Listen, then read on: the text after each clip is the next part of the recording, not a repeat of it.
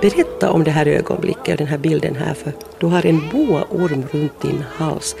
Det här skedde i Benin uh, när vi var på en resa till Villa Caro och sen gjorde vi en utflykt till, den här, till det här templet där det fanns massor med boaormar. Och sen kom den lokala prästen, eller vad han nu kallades, med den här ena ormen och sa att, ja, att vill ni ha den kring halsen? Att eh, om den sätts kring halsen så då får man önska vad man vill. Och sen var det ändå flera människor som tog den på, kring sin hals. Jag var absolut inte den första, jag har varit livsrädd för ormar hela mitt liv. Men sen såg jag att det var något två, tre människor och tänkte att fan alltså att om de där nu vågar så jag ska inte vara Pekka pahempi som vi säger på finska. Så gick jag dit och sa att okej, okay, sätt den dit då.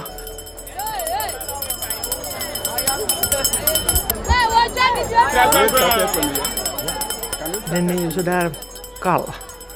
Så det kändes och det var en ganska stor grupp så att där fanns människor som tog sen genast bilder, bilder av mig. Och jag stod där och, tänkte, och jag minns inte ens vad, jag, liksom vad min, mitt önskemål var, alltså vad jag hoppades att skulle ske för att all energi gick åt att inte vara rädd. Men där var jag och sen kände jag mig naturligtvis mig som en filmstjärna när det bara blixtra och blixtra och blixtra runt omkring.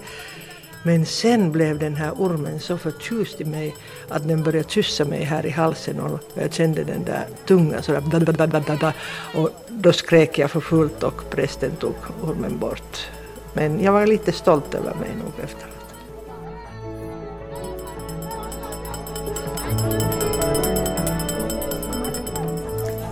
I månadens dokumentär hör vi Blekansiktet med den svarta själen.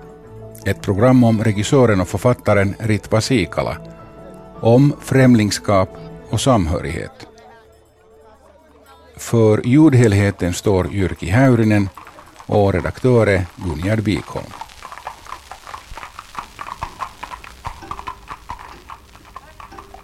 På väggen i tamburen i Ritva Sikalas barndomshem i Kemi fanns en mycket speciell tavla. En plakett där Ritvas far tackades för sina insatser under kriget i Lappland. Och den som tackade, också genom att ge en medalj, var självaste Adolf Hitler. Jag var himla stolt på det faktum att vi hade ett så berömt namn på vår vägg. Eino Lauri Sikala var tandläkare och hade tjänstgjort som finska arméns sanitärlöjtnant vid krigssjukhuset i Kemi. Hans arbetskamrater där hade varit Hitlers soldater. Överhuvudtaget alltså, det som jag hörde om tyskar och tyska soldater var alltid enbart positivt för att de hade ju varit min pappas arbetskamrater och han fick en av sina allra bästa vänner bland dem som jag sen också har senare träffat. Så att det var, de, de var så fina människor och så här. Alltså det var den bilden. Och sen såg jag Anne Franks dagbok på Kemin Kaupunginteatteri och där kom ju en sån här crash, motsats alltså. De, de här bitarna gick inte ihop. Och det har nu format hela mitt liv sedan efter. Jag var 14 år gammal tror jag när jag såg den där föreställningen. Meine deutsche Jugend, wir wollen ein Volk sein. Wir wollen eins, ein Reich sehen. Att hennes familj blev förföljd på grund av det vad de var, alltså att de råkade vara judar, var fullständigt orimligt för mig. Alltså obegripligt orimligt. Och att Anne dog. Jag tog det väldigt personligt för att jag, hade varit vid liv när hon dog. Alltså tre år gammal eller någonting sånt. Men jag, jag, jag minns att jag tänkte ofta på det här, alltså att jag har varit närvarande så där ungefär att jag borde ha gjort någonting som var naturligtvis totalt orimligt. Men efter det så har jag nog haft ett visst ansvar. Att, att jag kan inte skjuta bort ansvaret för det onda som händer runt omkring mig.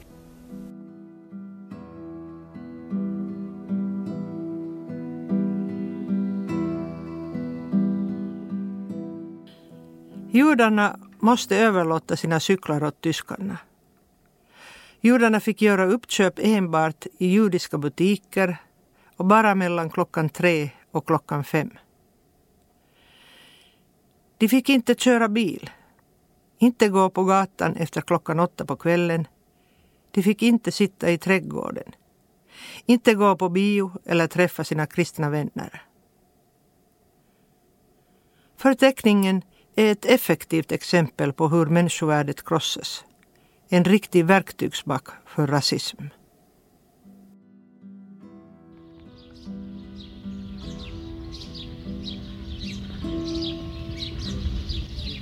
Förintelsen var ett brott som måste sonas, var Ritva Sikalas bestämda åsikt. Hon var 19 år när hon helt på egen hand reste till Israel för att vara med och ge upprättelse åt judarna. Hon kände att hon var tvungen att rädda Anne Frank i efterskott. Jag hade aldrig hört ordet kibbutz eller fenomenet kibbutz eh, i Finland och inte många andra heller. Alltså det var nog bara några kristna människor som for till Israel på grund av liksom sin kristna tro. Att det, var, det, det fanns inte en, eh, någon folkrörelse eller ungdomsrörelse här att fara dit. Eller ta, att, som sagt så jag hade aldrig hört om det. Och jag vet inte om jag skulle ha hört om det om jag inte skulle ha varit utbyteselev i USA och träffat en, närmast en judisk familj och blivit vänner med dem där. Men tack vare det här eh, familjen Weiber fick jag den här lilla broschyren som berättade om Israel och om en kibbutz. Och det sammanföll ju sen helt med sådana socialistiska drömmar som många ungdomar i Finland hade på 60-talet, inklusive mig. Så då tänkte jag att det det där ska jag göra alltså. Och då handlade ju, en kibbutz handlade om att bygga Israel och att bygga Israel var ett sätt att rädda judar som hade blivit illa behandlade, mycket illa behandlade i Holocaust i Europa. Så det var så att säga självklart att jag måste fara dit. Men det var nog inte självklart för någon runt omkring mig. Utan de, de kunde bara inte förstå varför jag ville dit.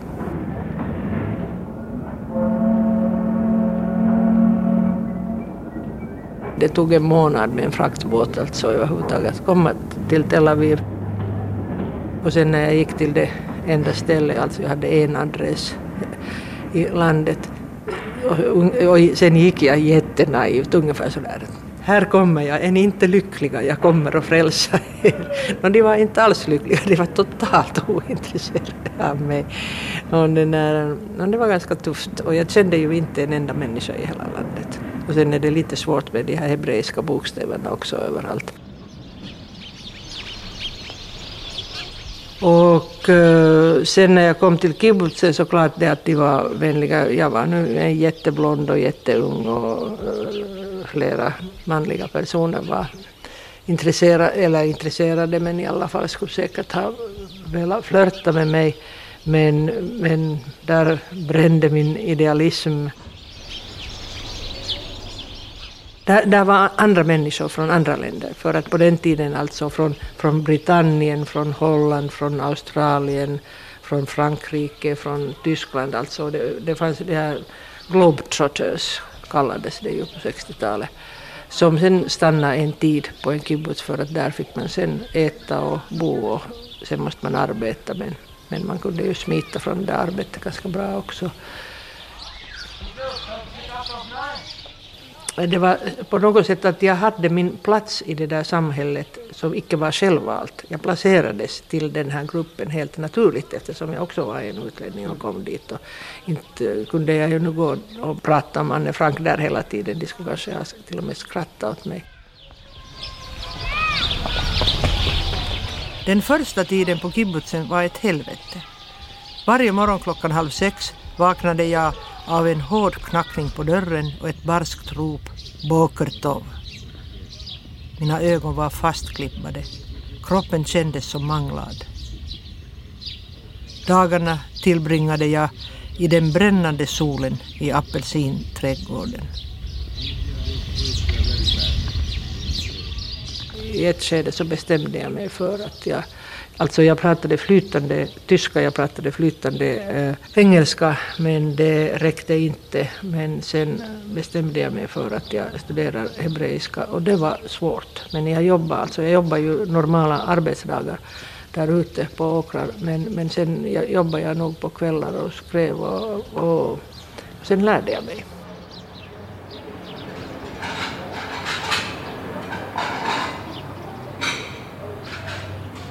En gång när jag hade arbetstur i köket föll min blick på Rachels arm. Vi diskade in till varann. På armen hade en blå sifferserie bränts in. Vad var det? Blev medlemmarna i kibbutzen tatuerade med ett nummer.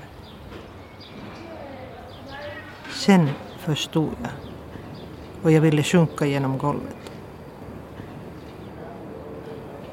På Rachels arm fanns brännmärket från Auschwitz. Rachel hade varit där. Och nu stod hon bredvid mig och diskade klibbiga plasttallrikar. Det var obegripligt. Det susade i huvudet. Men jag fick inte fram ett ord.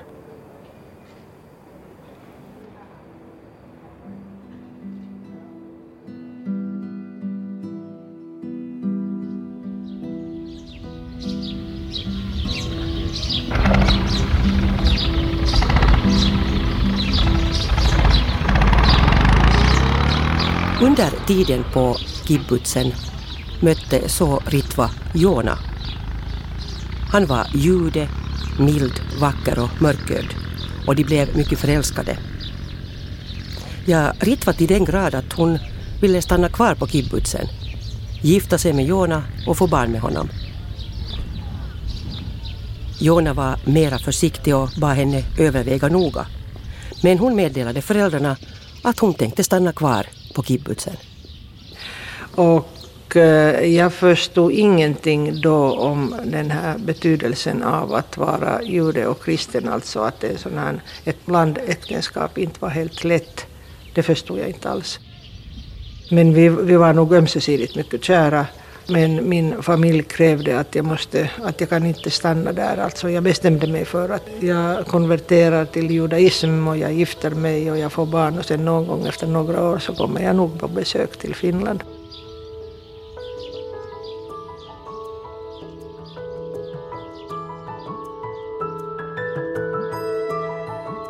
Men det här gick familjen inte med på utan skicka biljetter och pengar och sådär.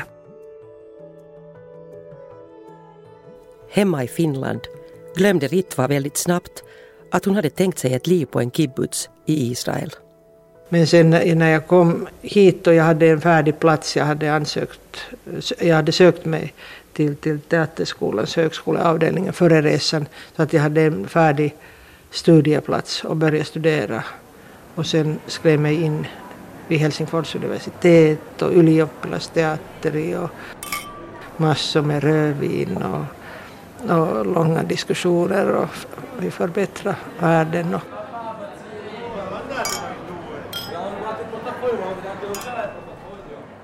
Ritva Sikala gifte sig med den finlandssvenska regissören och författaren Bengt Alfors. De fick dottern Katja det revolutionära året 1968 och år 1972 gjorde de någonting som inte var så vanligt i Finland vid den här tiden. De adopterade en liten pojke från Etiopien. Tariku.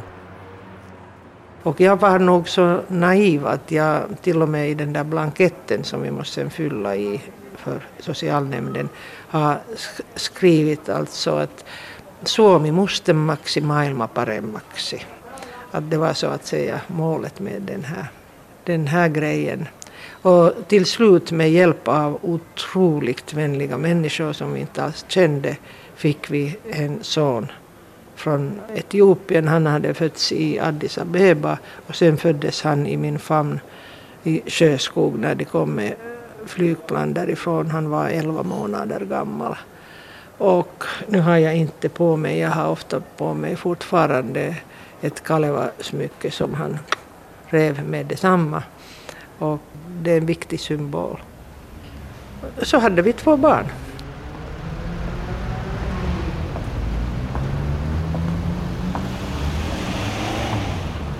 Beroende på i vilken, i vilken kombination vi rörde oss så fick vi liksom olika inställningar. Alltså att om vi var hela familjen så då var vi så goda människor som hade eh, eh, äh, räddat en hedning från Afrika. Oj, Gud välsigne er. Men när jag var på tu hand med honom så då blev jag ju en negerhora.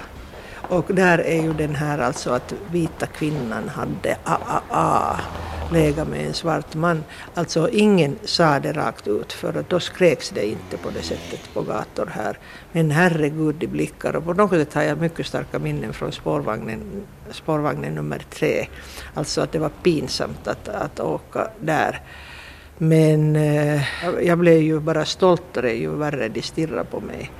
Men, men jag tänkte redan då att hur månne det skulle ha känts om jag skulle ha fött honom, om jag skulle ha haft liksom...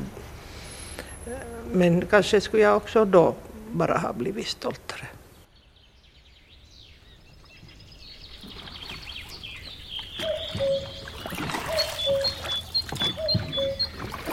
Det skedde någon gång i början på 80-talet. Vi hyrde en stuga i eh, Koirakivi, alltså nära Sankt Mikkel. Och eh, Tariko och jag, vi var där på tu hand och jag ville lära honom att meta spö.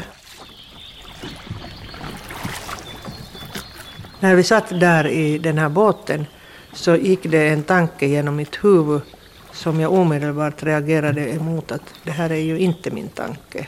Och den tanken var, eller den aha-upplevelsen var att min son har ju fel färg.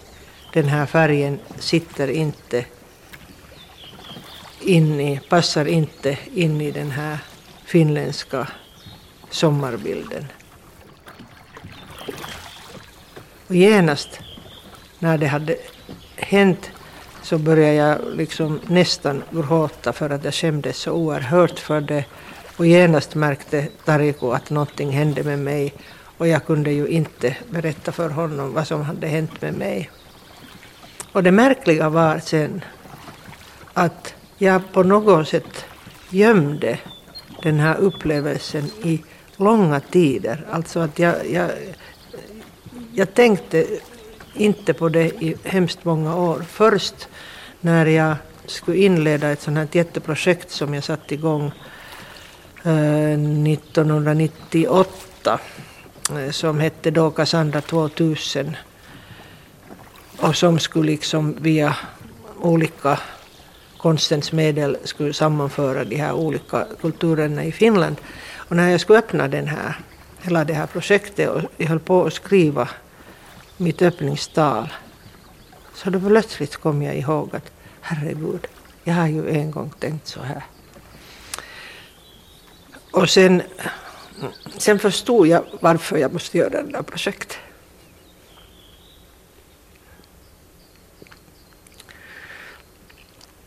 När jag hade skrivit det så visade jag det naturligtvis åt Tariko och frågade att får jag, får jag berätta det här och jag fick hans lov.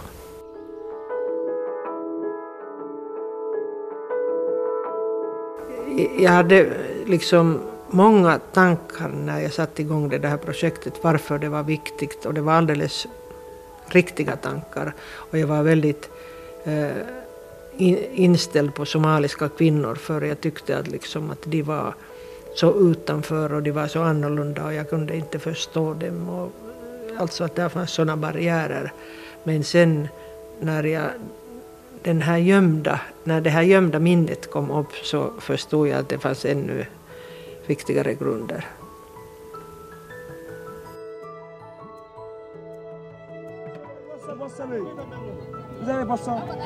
Innan Ritva startade Cassandra-projektet gjorde hon och hennes man hösten 1994 en resa till Västafrika.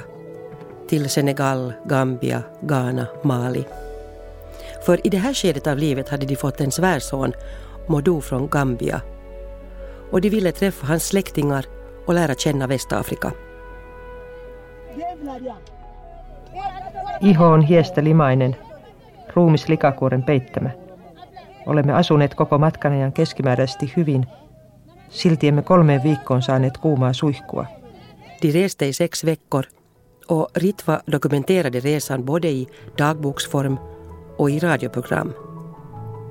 En resa som inte alls blev som planerat. Jag faktiskt har, har fortfarande det här rutiga häftet kvar dit jag har skrivit massor med adresser och, och den här tidtabellen. Och var och en som har varit i Afrika, som skulle ha varit då i Afrika någon längre tid, kunde ha sagt till mig att det där är totalt omöjligt. Alltså, att Afrika fungerar ju inte så som Finland. Alltså inget land där och åtminstone inte de här länderna. Eh, så att eh, det krävde mycket anpassning och mycket omorganisering hela tiden. Och eh, sen var det ju naturligtvis väldigt deprimerande, jag tror för oss båda, när vi sen märkte att det inte var enbart förtjusande för att vi for ju till Afrika för att älska Afrika. Och det var svårare att älska Afrika än vad vi hade anat. Men vi lärde oss att älska Afrika sen efter alla våra erfarenheter. Men vi hade varit i Indien före det, så att vi hade sett den yttersta fattigdomen. Att det, och den är ju svår att se när man har levat i Skandinavien hela sitt liv.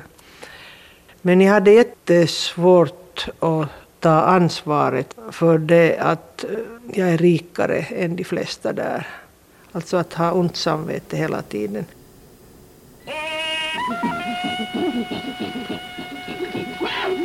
Jag insåg att alla mina föreställningar om Afrika var primitiva och kom från Hollywoodfilmer. Cheetah skrek, Jane var charmerande och Tarzan överlägsen. Andra bilder fanns inte. Utom tröstlösa tv-snuttar av hungrande barn.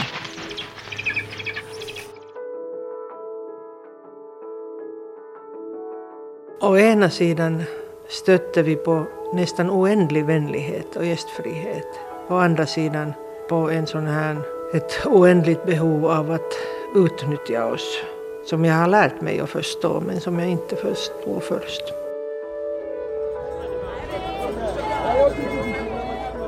I Dakar i Senegal år 1994 får Ritva Stikala sin första afrikanska dräkt.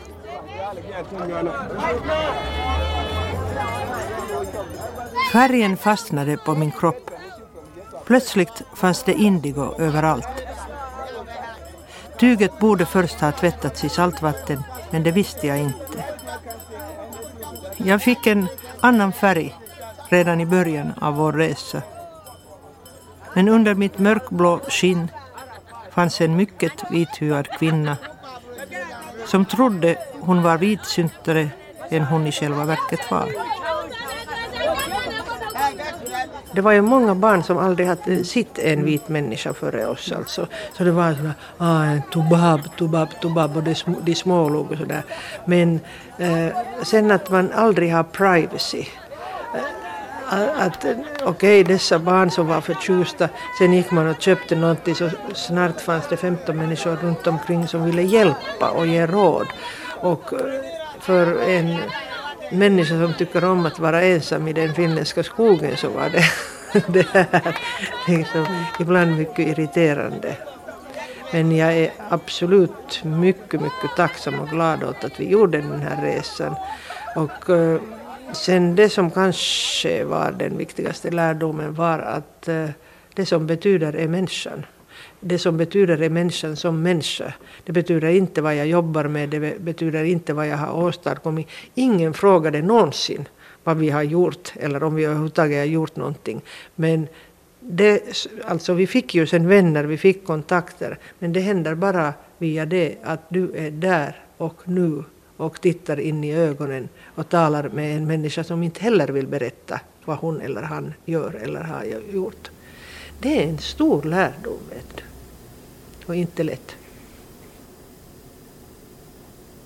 Uh, när vi kom tillbaka till Finland så insåg jag att jag måste lära mig mera. Jag hade blivit jättenyfiken. Jag märkte att jag kunde möjligen ha studerat antropologi när jag var ung. Men i det här skedet så skrev jag mig in vid Helsingfors universitet på nytt och började eh, studera religionvetenskap. Och studerade faktiskt sådär på riktigt i ett par år. Och i något skede tänkte att jag blir magister i, eh, i religionvetenskap men sen kom jag på den här idén med Cassandra och då, alltså tiden räcker inte till allt.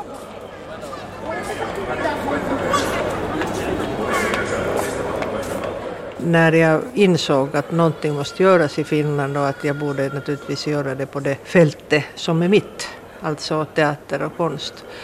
Och och eh, också kvinnor för att jag hade haft teaterrasande rosor just då på 90-talet. Så då blev det på det sättet helt konkret. Jag bodde i östra Helsingfors och gick över liksom, eller använde metron. Och då såg jag alltid där 98 ungefär, så såg jag sen liksom ungefär de första somaliska kvinnorna som hade kommit till Finland iklädda sina sjalar och, och, och långa kjolar, alltså väldigt annorlunda än jag som var en sån här typisk nordisk feministkvinna med långbyxor. Det är ju inte många som går med niqab i Finland. Det har jag fortfarande mycket svårt med att äh, träffa sådana människor. Men, men i alla fall, så då, då hela tiden så ställde jag mig frågan alltså att okej, okay, hur känns det? Hur, hur känns det att ha kommit från Somalien och gå på Revas plats i östra Helsingfors och stöta på en sån här kvinna som ser ut som jag och inte kunna språket och inte veta hur det här samhället fungerar. Nu inte räckte ju min fantasi till att jag skulle ha kunnat förstå hur det känns. Men det var den här nyfikenheten som var helt avgörande för allt vad jag gjorde redan efter.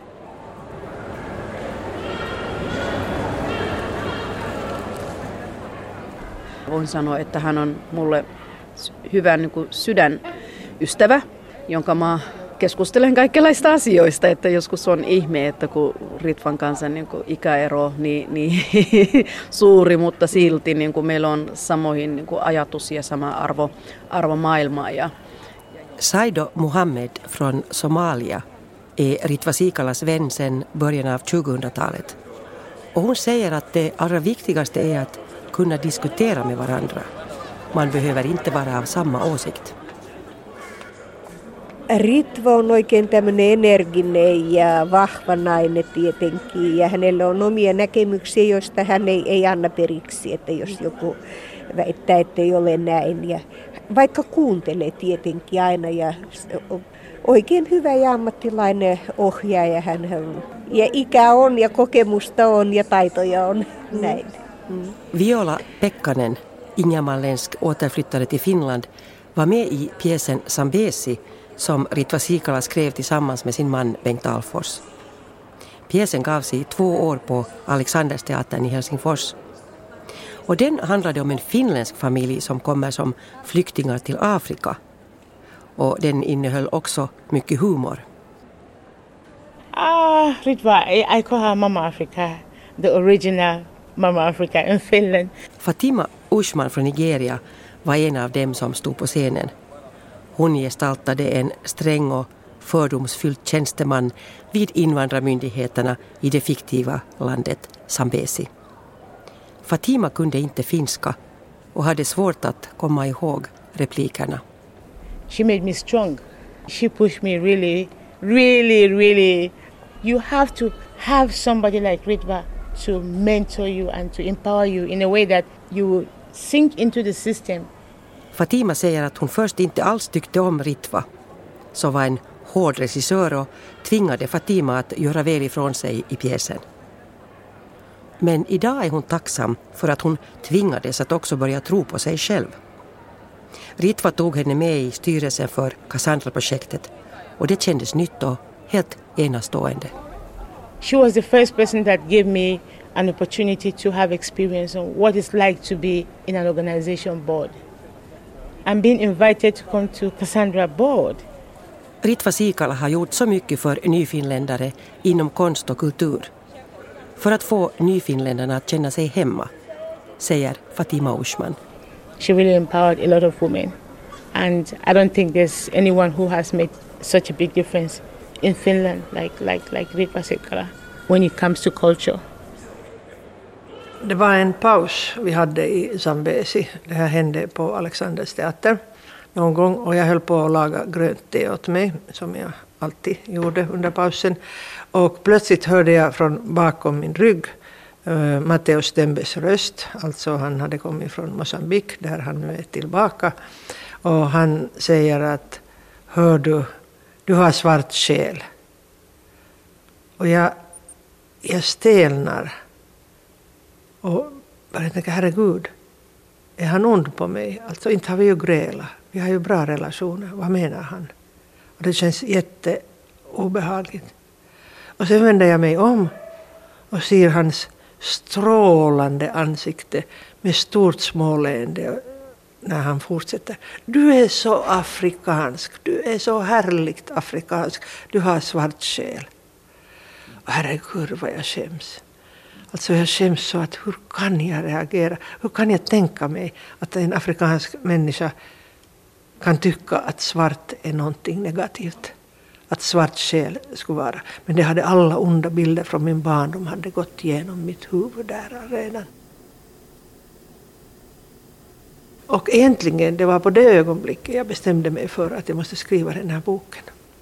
Att jag måste på något sätt liksom nu analysera det här på djupet och gå igenom den här vägen och dela med mig det här. Och det tog ungefär fyra år att skriva. Om vår föreställning hade varit en punkt på kartan och vi skulle ha dragit en tråd till alla deltagares födelseorter hade det gått åt tiotusentals kilometer tråd.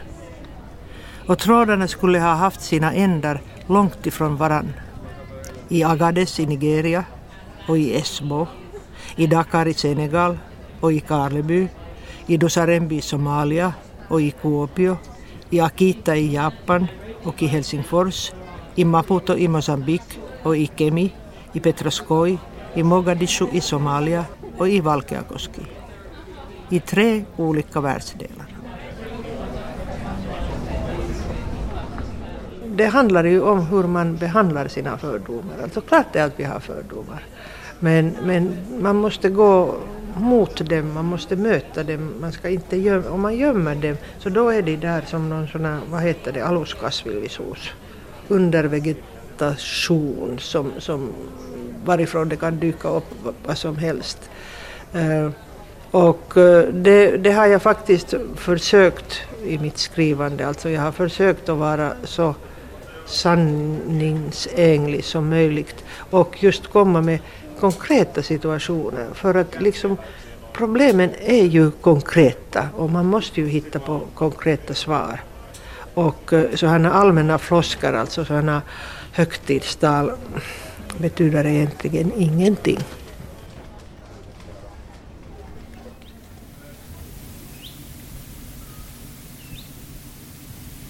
Det främmande kan bli ens eget och det egna kan plötsligt kännas långt borta.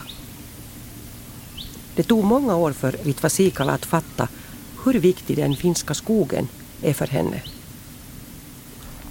Hon älskar att plocka svamp, ensam eller tillsammans med familjen och vänner.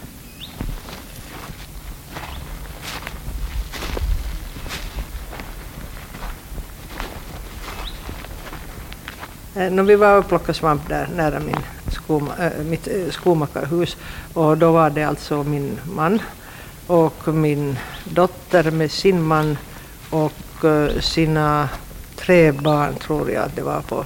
Det här är för ganska länge sedan. Och eh, det är ju så att jag talar alltid finska med mina barn och mina barnbarn. Min man talar alltid svenska med sina barn och sina barnbarn oss emellan talar min man och jag antingen finska eller svenska och ingen kan förstå varför vi byter språk. Och sen vår svärson talar eh, som modersmål mandinka och talar mandinka med sina barn men hans gemensamma språk med hustrun, vår dotter, är svenska och han talar också svenska med oss, alltså min man och mig. Så att eh, där fanns färger och där fanns språk. Och vi eh, plockade eh, trattkantareller, det var just den tiden på året. Och sen kom dit en sån där urfinsk, alldeles vanlig finsk familj med två barn. Och den där mannen kanske, är, jag tror att han ägde den där skogsbiten där. Alltså jag kände honom inte då och känner honom inte nu. Men i alla fall så, och jag så att säga hälsar på alla som jag träffar i skogen, det, det gör man ju i Finland. Men han hälsade absolut inte tillbaka utan han var det blev sådär mumlande alltså. Så, Satanan perkele, nyt tulevat Helsingistä ja vievät kaikki sienet ja sådär en alldeles klar aggressivitet som inte riktades direkt till oss. Utan det var sån här mum, mumlande där. Och eh, uh, jag sen tänkte att det kanske var Okej, vi kom från Helsingfors men jag tror att det var sen ännu värre att vi hade så många språk och så många färger. Och det blev en sån här landskamp där lite. Att jag, jag är bra på svamp och jag hittar svamp så att jag liksom var suverän och lugn och han kom närmare och närmare och sa ingenting. Och den där, eh, det ledde inte till någonting utom att det kändes inte riktigt trevligt.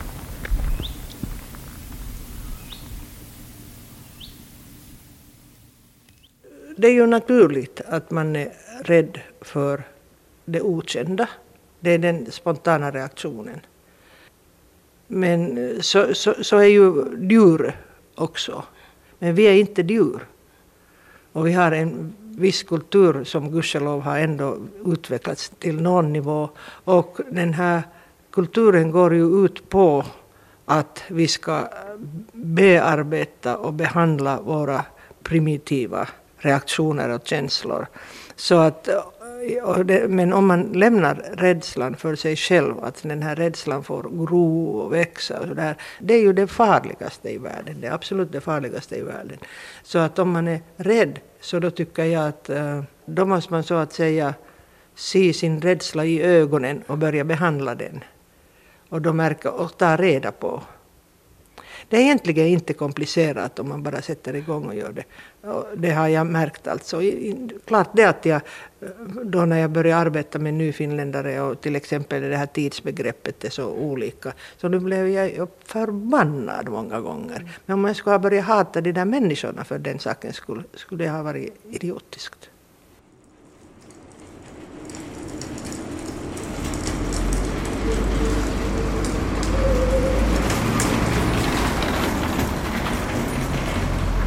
Men vad borde vi göra nu? Nu borde vi liksom hälsa på människor och se till att de får arbete och lär, lär sig språk. Det är ju, om man sen tar Finland så i Finland är det ett jättestort problem att den här språkundervisningen har släpat efter katastrofalt och jag kan inte fatta varför. Och sen är det det att sen måste man börja samarbeta helt så här naturligt, stå på samma golv på samma nivå och inte försöka hjälpa uppifrån neråt. Det, det, det, är stora problem, det är inte enkla problem. Men vi har det himla bra i Finland alltså. Sämre har vi om vi nu börjar liksom ha patruller på gatan och börja liksom ta fast alla som är annorlunda. Sen klart det att vi måste också lära våra eh, värden, kulturella värden, kulturella värden de skiljer sig på jordklotet. Men inte det är omöjligt.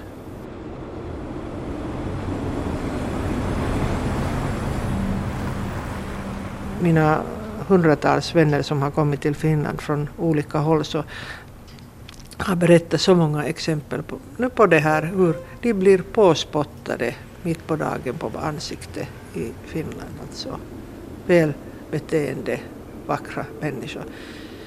Så eh, det har, det har ökat, för att det har på något sätt blivit legitimt. Och sen tycker jag att våra politiker är ynkliga, skitdåliga, pelkureita. Det finns vissa ord som inte finns på svenska lika bra. Uh, för att de, de borde ju stå upp och säga slut med det där, vi ska sköta det här. Men ingen, ingen vågar göra det. Jag kan inte fatta. Ritva Sikala har under åren också fått ta emot hotelser av olika slag, som hon också har polisanmält. Idag kan man till exempel hitta texten Turvapaikanhakijoiden panopuu, ett ligg för asylsökande, som har saboterats in på nätsidor som handlar om henne.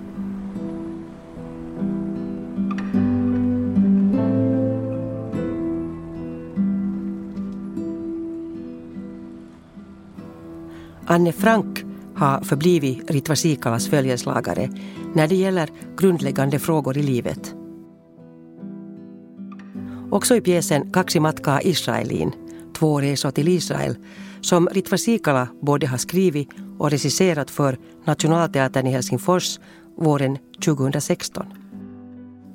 Alter egot Tuulikki i den här pjäsen för en dialog med Anne Frank också idag. Anne skrev i sin dagbok att hon trodde att människan innerst inne är god. Hon har inte mera ett svar. Det uppstår ju alltid en jättelång tystnad efter vår föreställning. Människor börjar aldrig applådera med detsamma utan det är en tystnad som, man, som svävar i luften. Anne Frank är ju i hela pjäsen en sån här diskussionspartner för den här min alter ego Tuulikki. När det just angående moraliska frågor. Och där i, där i slutet så blir hon tillfrågad om hon fortfarande tror på det här som hon har hävdat väldigt starkt, att alla människor är inom sig goda. Och hon skulle vilja kunna svara, men hon kan inte. Men det här med dagens Israel, så, så, så jag vet inte, jag, jag satte den på något sätt på hyllan, alltså det var så komplicerat. Men sen när jag var på ett äh, seminarium i Stockholm, där det inte fanns en enda människa från Israel, och där ingen sen ville ens förklara vad det berodde på, och sen jag fick riktigt själv dra de här slutsatserna att det var nu därför att de inte ville ha eh, där i, någon från Israel eftersom de sen hade flera från Palestina och de andra arabiska länderna. Och då tänkte jag att nu, nu är det här nu så sjukt att det finns sådana låsta dörrar. Alltså det var ändå alltså ett teaterseminarium, konstnärligt seminarium.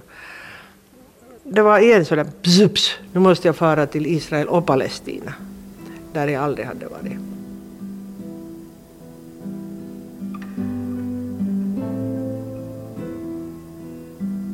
Och jag, och jag har besökt min kibbutz båda gånger, och som nu inte alls är mera den kibbutz. Varje människa som jag har berättat om min första resa till Israel har frågat var det före 67 eller efter 67. För att det räknas med att det där kriget 67, har, där började förändringen. Och den är grym, den här delningen och sen nog det här, det är nog väldigt långt ömsesidigt hat som finns där nu.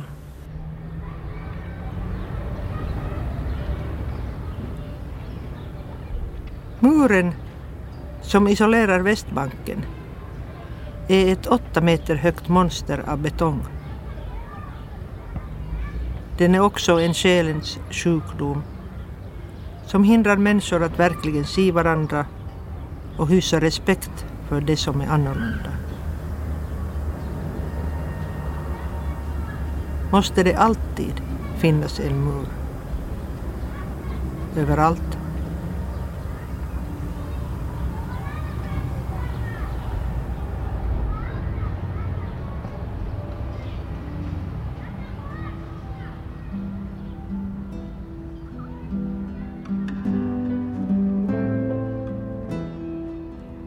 I månadens dokumentär hörde vi Blekansiktet med den svarta själen. Ett program om regissören och författaren Ritva Sikala. Om främlingskap och samhörighet. För ljudarbetet stod Jyrki Häyrinen. Redaktör var Gunjard Wikholm. I dokumentären läste Ritva Siikala utdrag ur sin bok Mustasielu valkonama. valkonaama, kertomuksia elämästä ja muukalaisuudesta. Utdragen var översatta av Gunjard Wikholm.